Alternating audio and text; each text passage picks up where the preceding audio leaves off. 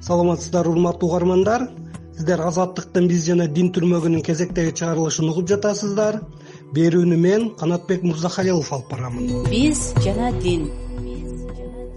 Акыркы кезде мусулман активист аялдар кыргызстан мусулмандарынын дин башкармалыгынын курамында өз алдынча аялдар менен иштөө бөлүмүн түзүү зарылчылыгы келип чыккандыгы жөнүндө маселе көтөрүшүүдө.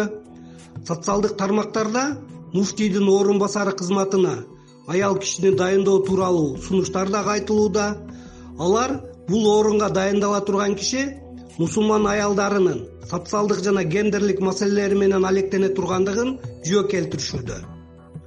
Мындан сырткары диндар аялдар нике талак үй бүлөдө жаралган көйгөйлөр тууралуу суроолорду имам молдолорго берүүдө айрым ыңгайсыздык жаралып жаткандыгын дагы айтышууда үй бүлөдөгү зордук зомбулук жана социалдык маселелерде аялдардын үнү угулса аларды чечүүгө оңой болмок деген каалоолорду дагы билдиришүүдө. Ушул маселенин алкагында биз ислам дин чөйрөсүндө иштеп жаткан кишилердин пикирин берүүнү туура деп таптык. Дин таануучу ишеналы арабаев атындагы кыргыз мамлекеттик университетинин мугалими асан саипов муфтиятта жетекчи кызматтардын биринде аял киши болушу керек деген сунушту азыркы реалдуулукта ишке ашырууга мүмкүнбү деген суроого төмөнкүчө жооп берди. Жок бул э, сөзсүз эле муфтиятта бир жетекчи кызматта аял киши иштесин деген бул э, туура келбейт биринчиден шариятыбызга дагы э, эгерде жетекчилик кызматта аял киши келип калса анда кандай болуп калат? Жетекчилик кызматка аял кишилердин келиши туура келбейт муфтиятта деди асан саипов. Ал эми мутакалим аялдардын прогрессивдүү коомдук бирикмесинин төрайымы жамал фронтбек кызынын айтуусунда эми шарият буга тыюу салбайт биринчиден экинчиден бул жерде ошол туркияда бир жума мурун орун басар айым болду азербайджанда ошол эле малайзияда индонезияда алымдар кеңеши аялдар ошол аялдар бизге кыргызстан сүйлөшкөн биз дагы фатава чыгара алабыз биздин мүмкүнчүлүгүбүз бар деген.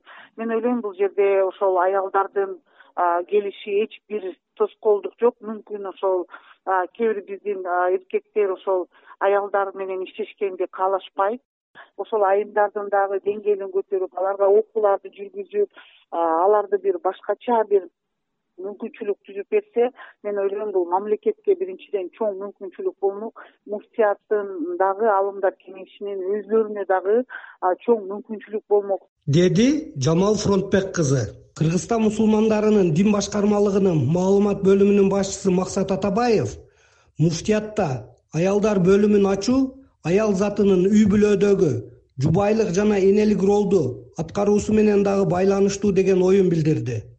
Анын айтуусунда үй бүлө бул кичинекей коом болгону менен ар бир чоң коомдун баш аты андыктан э, исламда аялдын үй бүлөдөгү ордуна абдан чоң маани берилген.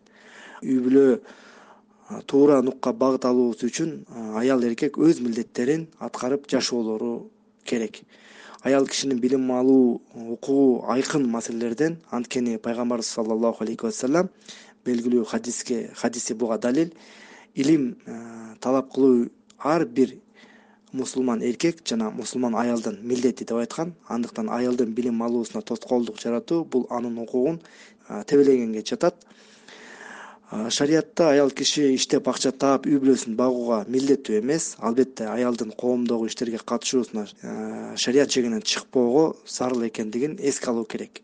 Деп белгиледи максат атабаев. Биз жана дин.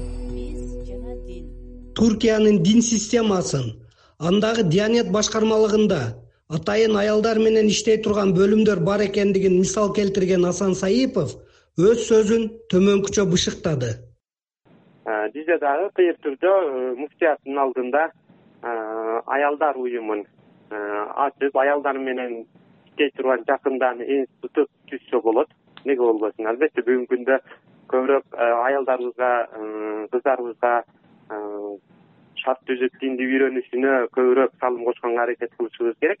Ашыкча демократиялашып кетип аткан жаштарыбызга алдын алып бөгөт коюу максатында динибизди терең ыйманыбызды мамлекеттин жүргүзгөн саясатынын негизинде колдоп кубаттап өзүбүздүн каза салт үлгү адаттарыбызды четке кагып башкача агымга кетип башташты да жаштар. Вот ошолорду тизгиндөө максатында аялдардын арасында иш чараларды көбүрөөк жүргүзүш керек аялдардын укук маселелерин караш керек. Аларда шариятыбызда баардык нерсе бар. Пайгамбарыбыз мухаммад саллаллаху алейхи вассалам ошол он төрт кылым мурда эле аялдардын ордун коомдо ордуна койгон да. Албетте муфтиятта бөлүм ачып э, алар менен жакындан иштешүү мүмкүнчүлүгүн кылса болот. Деди дин таануучу асан саипов. Ал эми муфтияттын маалымат бөлүмүнүн башчысы максат атабаевдин айтуусунда кыргызстан мусулмандарынын дин башкармалыгы аял заты менен иш алып барууда атайын муфтияттын алдында атайын аялдар бөлүмү ачылып бир топ иштерди аткарууга жетишти. Ошондой эле эки миң он жетинчи жылы муфтият облустук облус аймагында казыяттын алдында жалпысы болуп кырк диний окуу жай ачкан аялдардын атайын окуу борборлорун ачып программасы атайын бекитилип айымдардын диний сабатсыздыгын жоюуда бир топ окутуулар уюштурулду. Окуу борборлордо атайын мугалим э, эжейлер иш алып барышат. Кыргызстан мусулмандарынын дин башкармалыгы айымдар менен иш алып барууда атайын бөлүм ачып шарияттын чегинде фатва берүүгө билими жеткен айымдар тобун түзүп аларды атайын окуудан өткөрүүнү пландап жатат. Деди максат атабаев мурда муфтиятта аялдар бөлүмү бар эле. Ар бир облустук казыяттарда аялдар иштечү.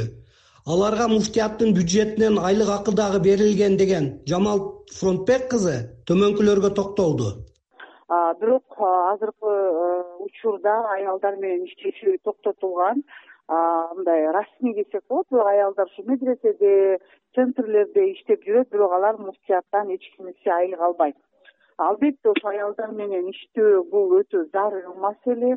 Ошо аялдардын бөлүмү ачылыш керек. Анткени ал жөн эле бир адам эмес системалык бөлүм болуп казыяттарда дагы ушул ар бир областта аялдар менен иштешкен бир адис аял киши керек да. Деп жамал фрунтбек кызы өз сөзүн жыйынтыктады.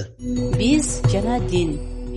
Муфтиятта жооптуу кызматта аялдардын болуусу мусулман кыз келиндер үчүн кандай мүмкүнчүлүктөр ачат деген суроого асан саипов төмөнкүчө жооп берди эми мүмкүнчүлүктөр э, муфтият ачып бериш керек. Ал э, бөлүмдү аптелип койсо эле ачылып калат деген нерсеге ишенбеш керек э. Муфтият өзү бүгүнкү күндө оор абалда карызга батты бүгүн көрдүңөр мурунку муфтияттын жасаган иштери аркылуу. Азыр эми жаңы келе турган муфтияттын составы эң бир күчтүү система менен келиш керек. Мурунку эскилерден тазаланыш керек дагы э, мамлекетибиз кандай жаңыланып тазаланып аткандай болсо бүгүнкү күндө муфтияттын системасынан да толук тазаланыш керек. Э, бүт тармакта бир эле коомдогу эркектер эле эмес аялдардын маселесин дагы чечип иштөө бүгүнкү күндүн талабы. Деди асан саипов эгерде муфтиятта жооптуу кызматта аялдардын иштеп калуу максат ишке ашса өтө жакшы болмок деген жамал фронтбек кызы өз пикирин төмөнкү аргументтердин негизинде бышыктады ошону ачсак анткени мен мурунку курултайда дагы айткан болчумун ошол курултайга жалаң эле эркектерди делегат кылып чакырбаңыздар. Биз афганистан же пакистан эмеспиз. Кыргызстанда мыйзам бар ошол жок дегенде ошол айымдар бир отуз пайыз болуш керек бир полдон деп же эркектер да. Эми ал болбосо да жок дегенде бир жыйырма он беш пайызы ошол аялдарды делегат катары ошол курултайга чакыруусу керек. Анткени азыр дагы айтып атат ошол көпчүлүк учурда билимдүү аялдар аз деп мен айтаар элем. Мисалы алиаскар университетин бүткөн татарстанда университетин бүткөн ислам ислам университетин токсон төртүнчү жылдан бери бүткөн кыз келиндер кандидат доктор кыздарыбыз биздики кыргызстанда жетиштүү.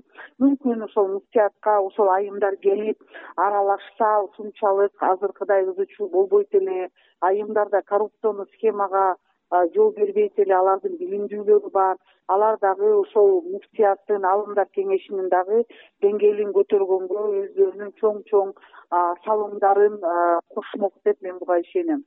Деди жамал фронтбек кызы биз жана дин. Эки миң жыйырма биринчи жылдын бешинчи апрелинде кыргызстан мусулмандарынын курултайы өтүп муфтийди жана аалымдар кеңешинин мүчөлөрүн кайрадан шайлоо болот урматтуу угармандар сиздер азаттыктын биз жана дин түрмөгүнүн кезектеги чыгарылышын уктуңуздар. Берүүнү мен канатбек мырзахалилов алып бардым. Аман туруңуздар